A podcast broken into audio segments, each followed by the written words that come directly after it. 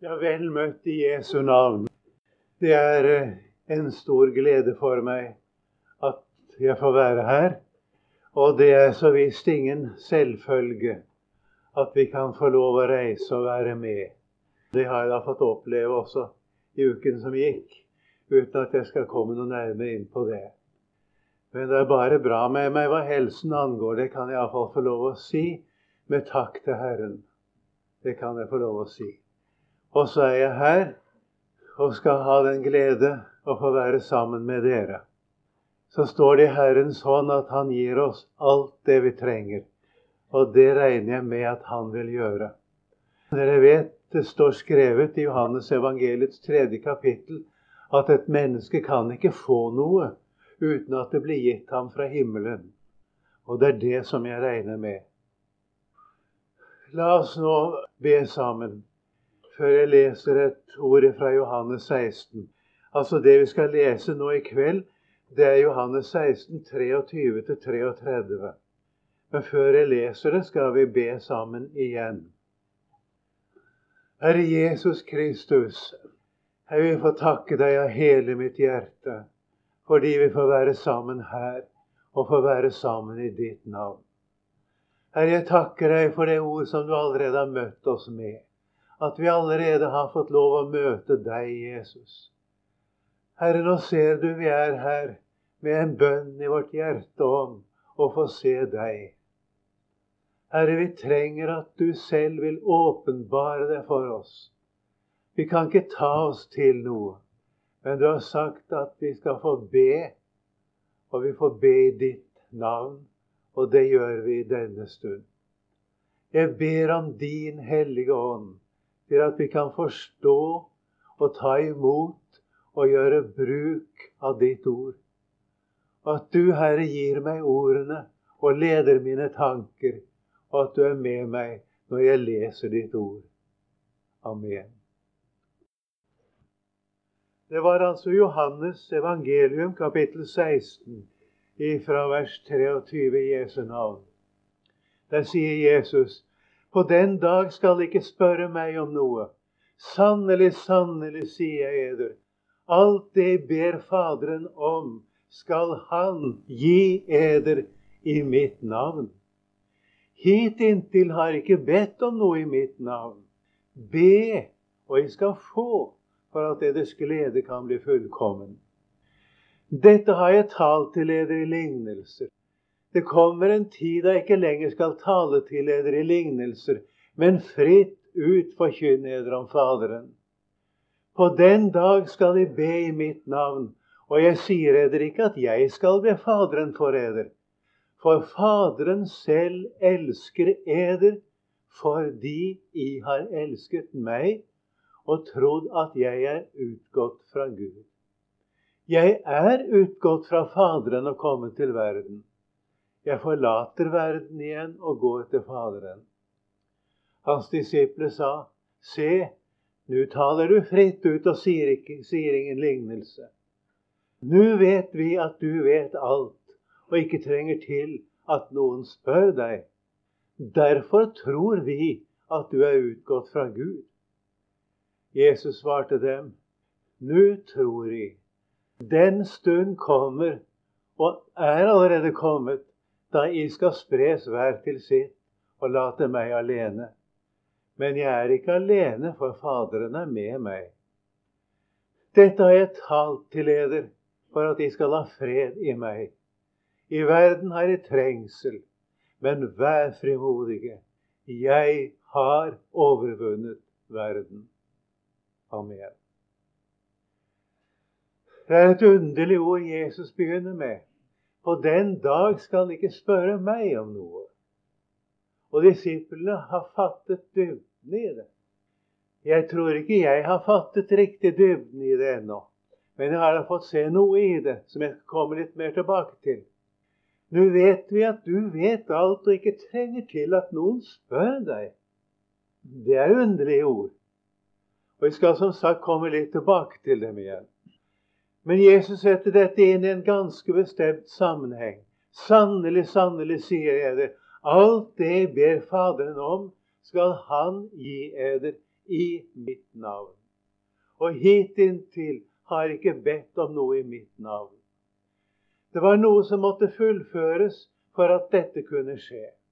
Bønnen i Jesu navn hører med til det vi har fått i selve frelsen i Jesus Kristus. På den dag, sier Jesus, den dagen er kommet nå, som han også sier i begynnelsen av Johannes 17 sin ypperste, prestelige bønn. Fader, timen er kommet, sier han. Nå skal det fullbyrdes alt det som Guds ord har talt om, og som Gud har regnet med fra begynnelsen av. Det som er fullført i Jesus, det har Gud regnet med like fra Adam og Eva av. Det er mange som tror at i gammeltestamentlig tid ble folk frelst ved loven, men det gjorde de ikke. De ble frelst ved løftet som Gud ga Abraham. Det sier Guds ord meget klart. De ble frelst ved en frelse som skulle fullbyrdes i tidens fylde. Men før denne frelse var fullbyrdet, så var den bundet til de ordninger og institusjoner som Gud hadde opprettet i Israel. Det måtte være så, og kunne ikke være annerledes. Også hedninger kunne få del i dette hvis de ga seg inn under de ordninger som Gud hadde gitt. Og de ble kalt for proselytter, eller som det heter i vår bibel, de som frykter Herren. Mennesker som ikke var av Israel sett, men som trodde på det Gud hadde gitt, og som holdt seg til løftet som var gitt til Abraham. Fra begynnelsen av har Gud regnet med det som i tidens fylde skulle fullføres, og altså nå er fullført i Jesus Kristus. Nå taler Jesus om denne dag, da dette er skjedd. Da skal de be i mitt navn, sier han. Hittil har ikke bedt om noe i mitt navn. Men nå er den tid kommet. Nå kan dere be i mitt navn. Hva betyr egentlig det? Jeg har flere ganger hørt i radioandakter at det betyr å be med Jesus inn. Og hvis noen av dere andre har hørt det samme, så må dere ikke tro på det. For det er ikke sant. Tenk om det var det. Jeg vil si at Jesu Kristi sinn det kommer av at vi har fått Den hellige ånd i vårt hjerte, og det skal vi tale om i Filippenserbrevet, om Gud vil disse dager. Det har vi fått som en gave fordi vi er frelst. Men det er ikke en betingelse for å be. Gud har testamentert sin sønn, sier Guds ord. Det heter jo Det nye testamentet. Og du vet, jeg taler om det både i Galaterbrevet og andre steder. Et testament. Og det er også tale om en arv på to måter er det tale om arv i Bibelen. Det er tale om den arv Gud gir oss. Og det er tale om den arv som Faderen gir sin sønn. Den arven, det er alle frelste sjeler. En arv, det sier Guds ord. Man kan ikke gjøre noe for å få en arv. Den opprettes ved ens død, sier Guds ord. Gud har testamentert sin egen sønn til menneskeslekten. Med alle rettigheter og herligheter, heter det i rettsspråket. Gud har testamentert sin egen sønn med alt det han er, med alt det han gjelder for, med alt det han har gjort, med hele hans liv her på jorden og hele hans liv i himmelen etter oppstandelsen og himmelfarten. Han har testamentert sin egen sønn med hans død, og hva den betyr. Den betyr at Guds sønn tok den dom og straff vi har pådratt oss med vår synd. Da Jesus skulle opp til korset, sier han, 'Nå er min sjel forferdet.' Og hva skal jeg si? Fader, frels meg fra denne time. Det skulle mye til at Jesus kan si, 'Nå er min sjel forferdet', og hva skal jeg si? Fader, frels meg fra denne time. Dog nei, til er jeg kommet til denne time, sier han. Det står at han sa til de tre disiplene, Peter, Jakob og Johannes, Min sjel er bedrøvet inntil døden. Bli her og våk med meg. Bedrøvet inntil døden. Hva er Jesus er engstelig for? I Hebreerne 5 står det i vers 7 han har i sitt kjøds dage med sterkt skrik og tårer Det er sterke ord, det. Frembåret bønner og nødrop til ham som kunne frelse ham fra døden. Hva er det han viker tilbake for? Hva er det han engstes for? Det er ikke torturen og den lidelse som følger med tortur, skjønt den var forferdelig. Den var grusom. Men det er andre mennesker som også har litt tortur. Men Jesus står overfor noe som ingen annen har båret eller har kunnet bære. Noe som Jesus har gjort og ingen annen har kunnet gjøre. Han skulle ta dommen. Han skulle ta straffen for synd. Og det kan ikke vi engang tenke oss. Det går ikke an å krenke den levende, den hellige Gud ustraffet. Det går ikke an. Nå skal ikke vi tale om den side av saken her akkurat. Men det kunne nok trengs at det ble forkynt i dag til menneskene. Man kan ikke stelle seg som man selv synes etter Moselov, og tro at det skal gå godt. Dommen rammer alle mennesker. Og de som er utenom Jesus, har intet håp. Men det var én som tok den istedenfor oss, og som med sitt blod har fridd oss det som tales om f.eks. i Efeserne 1,7. Forløsningen i Jesu blod. Slik at vi får syndenes forlatelse efter Hans nådes rikdom. Det er gjort. Her sto et lam liksom slaktet, hørte vi. Det bare merker etter det at det hadde vært slaktet. Det var ikke slaktet nå, men det hadde vært det. Det står at han var død, og han ble levende. Men han tok dommen, og han kunne ta den fordi han var gudfryktig. Han, Jesus Kristus som menneske, han holdt mål etter Guds hellige lov. Derfor står det også i Hebreerne 5, i vers 7, som jeg siterte fra, han ble bønnhørt for sin gudsfrykt. Dette har gitt deg og meg noe. Det har gitt oss en rett, en virkelig rett hos Gud. Vi har fått et testamente hvor det er skjenket oss syndenes forlatelse. Det er skjenket oss en rettferdighet som ikke vi gjør noen ting for å få. Den er tilregnet uten gjerninger, sier Guds ord. Uten gjerninger. Med denne rettferdighet har vi fått en adgang til Faderen, sier Guds ord. Vi har fått den rett og til å gå frem for Faderen, som egentlig tilkommer Guds sønn. Vi har fått altså en guddommelig fullmakt. Og denne fullmakt knytter seg til Jesu navn. Og Jeg behøver ikke forklare hva en fullmakt er. Det er å få bruke det som en annen har rett til. I dette tilfellet at vi får bruke det som Guds sønn har rett til. Jeg må få lov å fortelle en liten historie. Det er ikke så ofte jeg gjør det. Men av og til heter det man skal fortelle en liten historie når man preker. Og den er sann, den historien. Ja, fra min ungdoms dager. Jeg møtte en student som het Tormod Vågen. Hans navn er ikke helt ukjent her iblant oss. Han var ung, og jeg var to år yngre, så jeg var altså enda yngre da. Han trengte penger skulle fullføre sitt studium. Og den gang var det ikke studielån. vet dere. Man fikk så visst ikke noe offentlig støtte. Skulle man ha lån, måtte man gå i en bank. Og skulle man få lån i en bank, ja, da måtte du ha en kausjon, ikke sant? En garantist. Da måtte du, for å si det med andre ord, da måtte du ha et navn. Et navn som banken godtok. Og så kommer altså historien, da, skjønner du. Vågen fortalte det han hadde gått ned. Han sa navnet på banken også, jeg behøver ikke si det akkurat. Med sine papirer hadde bedt om et lån. Jeg husker ikke eksakt hvilket beløp det var, men jeg tror det var 3000 kroner det dreide seg om. Og det var etter den tids valuta et meget stort beløp. Han traff på en mann. Han ble vist inn i en spesiell avdeling, spesielt kontor for den slags ting. Og bak den skranken sto det en mann. Han var svært overlegen. Og Vågen var litt pjusket kledd, fortalte han den dagen. Jeg husker ikke hva grunnen var, men han hadde ikke staset seg opp akkurat og så vel litt pjusket ut. da. Og litt sånn, ja Ikke så representativ som vi senere kjente ham. Og han som var bak skranken, han var så overlegen. Og ville nærmest vise han ut igjen.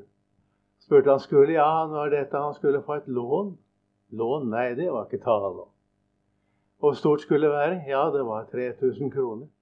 Ja, nei. Nei, det var utelukket. Skulle man ha et sånt lån, da måtte man jo ha noe navn, da. Ja, sa han, det var han jo klar over, så han hadde jo det. Ja, så har jeg et navn, de, da, sa han. La meg få se det, da, sa han. Så la Vågen frem papirene, og der sto et navn. Det navnet det var god for mange millioner.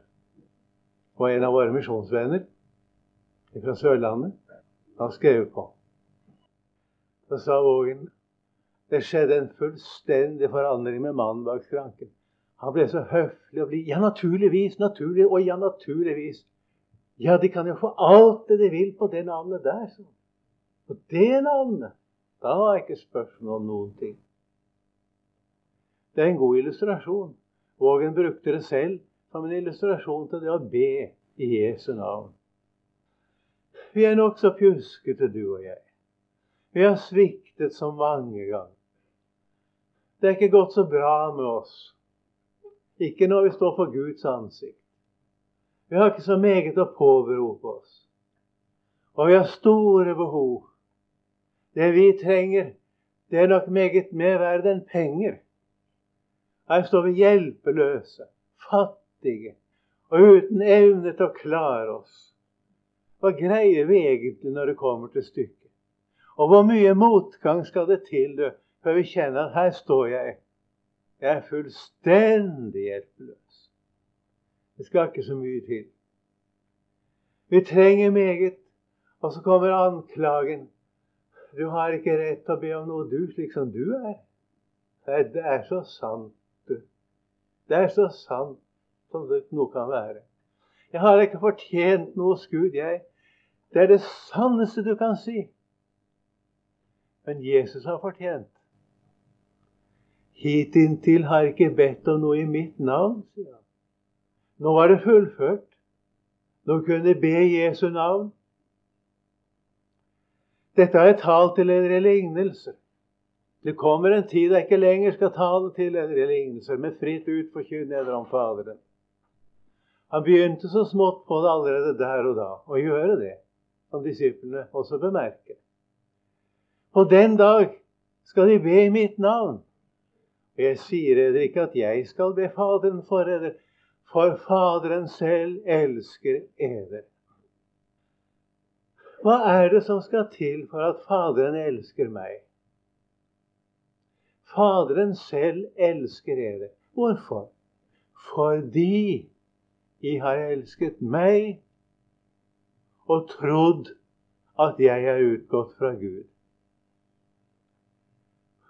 Har dere lest de siste utsiden hva Johannes Selstø skriver om den misjonær som skulle oversette Bibelen til et språk at det ikke var noe for tro? Så fikk han oversette det med Hvil deg med hele din tyngde på. En god oversettelse. Hvil deg med hele din tyngde på at Faderen sendte sin sønn til verden. Så har Gud elsket verden, at han ga sin sønn den enbårne. For at hver den som hviler på ham med hele sin tyngde, ikke skal fortapes, men ha evig liv. Jeg nevnte i sted at vi blir tilregnet rettferdighet uten gjerninger. Vi kan ikke legge noe til. Det er aldeles umulig å legge noe til. Det står i Galaterbrevet at dersom vi legger noe til, da faller vi ut av nåden. Og det er vel et ord til vår tid, med alt det kjas og mas som vi nå hører alle veier. Du kunne jo tro at kristendom det bestod i medmenneskelighet og uhjelp og jeg vet ikke hva, ettersom du ofte hører. Det, har, det er greit med uhjelp. De kristne var ute med hjelp lenge før noen andre tenkte på det. Men ikke for uhjelpens skyld, men for evangeliets skyld. Det som frelser oss, det er det som Jesus er. Det er det som Jesus har gjort. Jeg skal ikke legge til noe. Jeg skal legge hele min tyngde på det. Hvile på det. Og så har jeg en guddommelig fullmakt. Og den gjelder i himmelen. Jesu navn gjelder i himmelen for meg. Er store ting. Det er dette apostelen tenker på og egentlig skriver om i sitt første brev, i kapittel 5 og i vers 14. Vi vet at dersom vi ber om noe efter Hans vilje, da hører Han oss. Det er mange som spør ja, hva er det å be etter Hans vilje. Det er å bruke Jesu navn, for å si det kort. Å be etter Hans vilje betyr å be i samsvar med Guds evige rådslutning.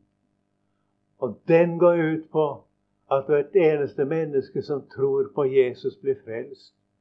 At Gud har gitt oss et navn som gjelder i himmelen for oss. Når du bruker Jesu navn, da ber du etter Hans vilje. Alt det du kan be om i Jesu navn. Det være seg hva det er du trenger. Det blir hørt i himmelen. Det er ikke en eneste bønn vi ber i Jesu navn som ikke blir hørt i himmelen. Riktignok sier noen det. Ja, jeg har nå ikke fått svar, sier de. Jeg har ikke merket at min bønn er blitt hørt. Det er litt korttenkt av oss at om ikke jeg akkurat får svar som jeg tenker, og at det ikke skjer noe første dagene eller de første ukene Kanskje ikke det skjer noe i de første månedene heller. Så jeg det likevel litt korttenkt å si min bønn er ikke blitt hørt. Det er ting jeg ba om i mine unge dager, som jeg har fått svar på nå, etter jeg er blitt gammel. Og svaret er ikke kommet for sent. Det er det ikke. Nå ser jeg Guds plan. Jeg har ikke sett den før. Jeg ser den nå. Jeg ser tilbake. Og så kommer dette underlige ordet som jeg nevnte jeg skulle komme tilbake til. Nå vet vi at du vet alt, og ikke trenger til at noen spør deg. Derfor tror vi at du er utgått fra Gud. Kunne like gjerne si derfor stoler vi på. Derfor er det vi har satt vår lit til det at du er utgått fra Gud. Fordi du vet alt. Du trenger ikke til at noen spør deg. Vi er ofte slik innstilt at bare liksom kunne få sagt det til Jesus, hvordan jeg har det. Bare kunne få lagt min sak riktig frem. Bare jeg kunne få fortalt Jesus hvordan det egentlig er med meg innerst inne. Det greier jeg jo ikke. Bare maktet å bære frem alle mine behov. Jeg greier ikke det, altså. Det er umulig for meg å makte det. Men du, det er ikke nødvendig. Jesus vet om dem. Han trenger ikke til at du spør ham. Jesus kjenner alle dine behov. Dette gikk opp for disiplene. Og I den sammenheng kunne jeg ha lyst til å minne om et annet ord av Jesus også. Han spurte en mann ved en bestemt anledning. Hva vil du jeg skal gjøre for deg? Vet du hva de fleste spør om i dag? Hva skal vi gjøre for Jesus? Det er det mange som spør om. Og er travelt opptatt med at nå må man sette den og hin i aktivitet. Det gjelder å få gjort noe for Jesus. Tenk om vi stoppet litt og spør, eller tenker på Hva vil du jeg skal gjøre for deg, sier Jesus. Og så må du huske på at han som sier det, han vet alt.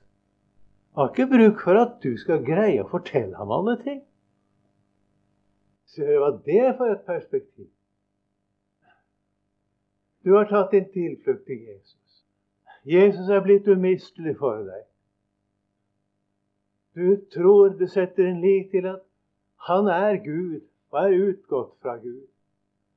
Og da sier Jesus, derfor elsker Faderen deg Faderen elsker deg fordi du elsker Jesus. Og vi har et løfte. Det står litt lenger fremme i Jesu avskjedstale, to kapitler foran, i kapittel 14, i vers 20. Om den som har mine bud og holder dem, står det. Det betyr altså den som har det Jesus har lagt oss på hjertet. For Jesus taler ikke om loven, at vi skal klare å holde loven. Men den som tar imot det Jesus har lagt oss på hjertet, tar vare på det som en tar vare på verdisaker. Han er den som elsker meg, sier Jesus. Den som altså hører mitt ord fordi han trenger det, fordi han må ta vare på det. Fordi mitt ord Så det er blitt en egentlig verdi for ham. Han er den som elsker meg. Men den som elsker meg, skal elskes av min Fader. Og jeg skal elske ham og åpenbare meg for ham. Så Der får vi svar på hvordan Jesus skal få åpenbare seg for oss. Vi tar vare på Hans ord. Ikke minst det som jeg legger frem her nå, hvor Jesus selv sier Be i mitt navn. Vi skal få for at deres glede kan bli fullkommen. Jeg vet ikke hvor meget en kan få være personlig i slike ting, men det er noe som ligger meg svært på hjertet å be om for min del. Om det kunne lykkes at det ble oppfylt i mitt liv, som Jesus sier om sine apostler. Han sier i sin ypperste prest bønn det også. Jeg er herliggjort i dem. Vi har lov å be om det. Og Det går så tydelig frem av det Jesus sier i Johannes 15, i vers 17, der at for at Faderen skal gi deg alt det ber ham om i mitt navn. De har ikke utvalgt meg, men jeg har utvalgt eder, og jeg satte det til å gå ut og bære frukt, frukt som vare, står det, for at Faderen skal gi deg alt det ber ham om i mitt navn. Alt det du trenger for å være en kristen, for å leve som en kristen, for at det skal oppfylles som er Guds tanker og planer med ditt kan du be om uavkortet og ubetinget og vite at alt det du ber, om, ber Faderen om, det skal Han gi deg i Jesu navn. Er ikke det et veldig løfte? Og det innebærer at vi kommer til å nå målet hjemme hos Gud. I saligheten, i det fullkomne Guds rike. Dette har jeg talt til dere, sier Jesus til slutt her, for at de skal ha fred i meg. Det varierer litt med freden i våre følelser, du. Den er ikke mye å stole på. Og det som de gamle kristne kalte den følbare nåde i hjertet, den er også variabel. Men det er en fred som ikke er variabel, og det er at Han er vår fred. Dette er talt til dere for at de skal ha fred i meg. I verden har de trengsel. Denne verden er ikke lett for oss som kristne. Og det blir bare verre ettersom tiden går. Vi har ikke løfte på noe annet. Men vær frimodige, sier Jesus. Vi skal ikke bli mismodige. Vi skal ikke si nå er det forferdelige tider vi lever i om de aldri så forferdelige. Det er ikke det vi skal si. Vær frimodige, for jeg har overvunnet verden. Den som har Jesus, har seieren over verden fordi han har Jesus. Denne verden vi lever i, har Jesus allerede seiret over. Vær frimodige. Jeg har overvunnet verden så kan vi vel bare i grunnen gjøre én ting. Og det er å si takk. Takk, Jesus. Og det vil vi gjøre i ditt navn. Takk fordi vi har fred i deg, Jesus. Takk fordi du har overvunnet verden. Takk for denne guddommelige fullmakt, at vi får be i ditt navn og vite da gjør vi Guds vilje. Herre, så vet du hva vi trenger alle disse dagene. Vi er for ditt ansikt, og jeg har alt bedt om å få det. Vi ber om det igjen i ditt velsignede navn. Amen.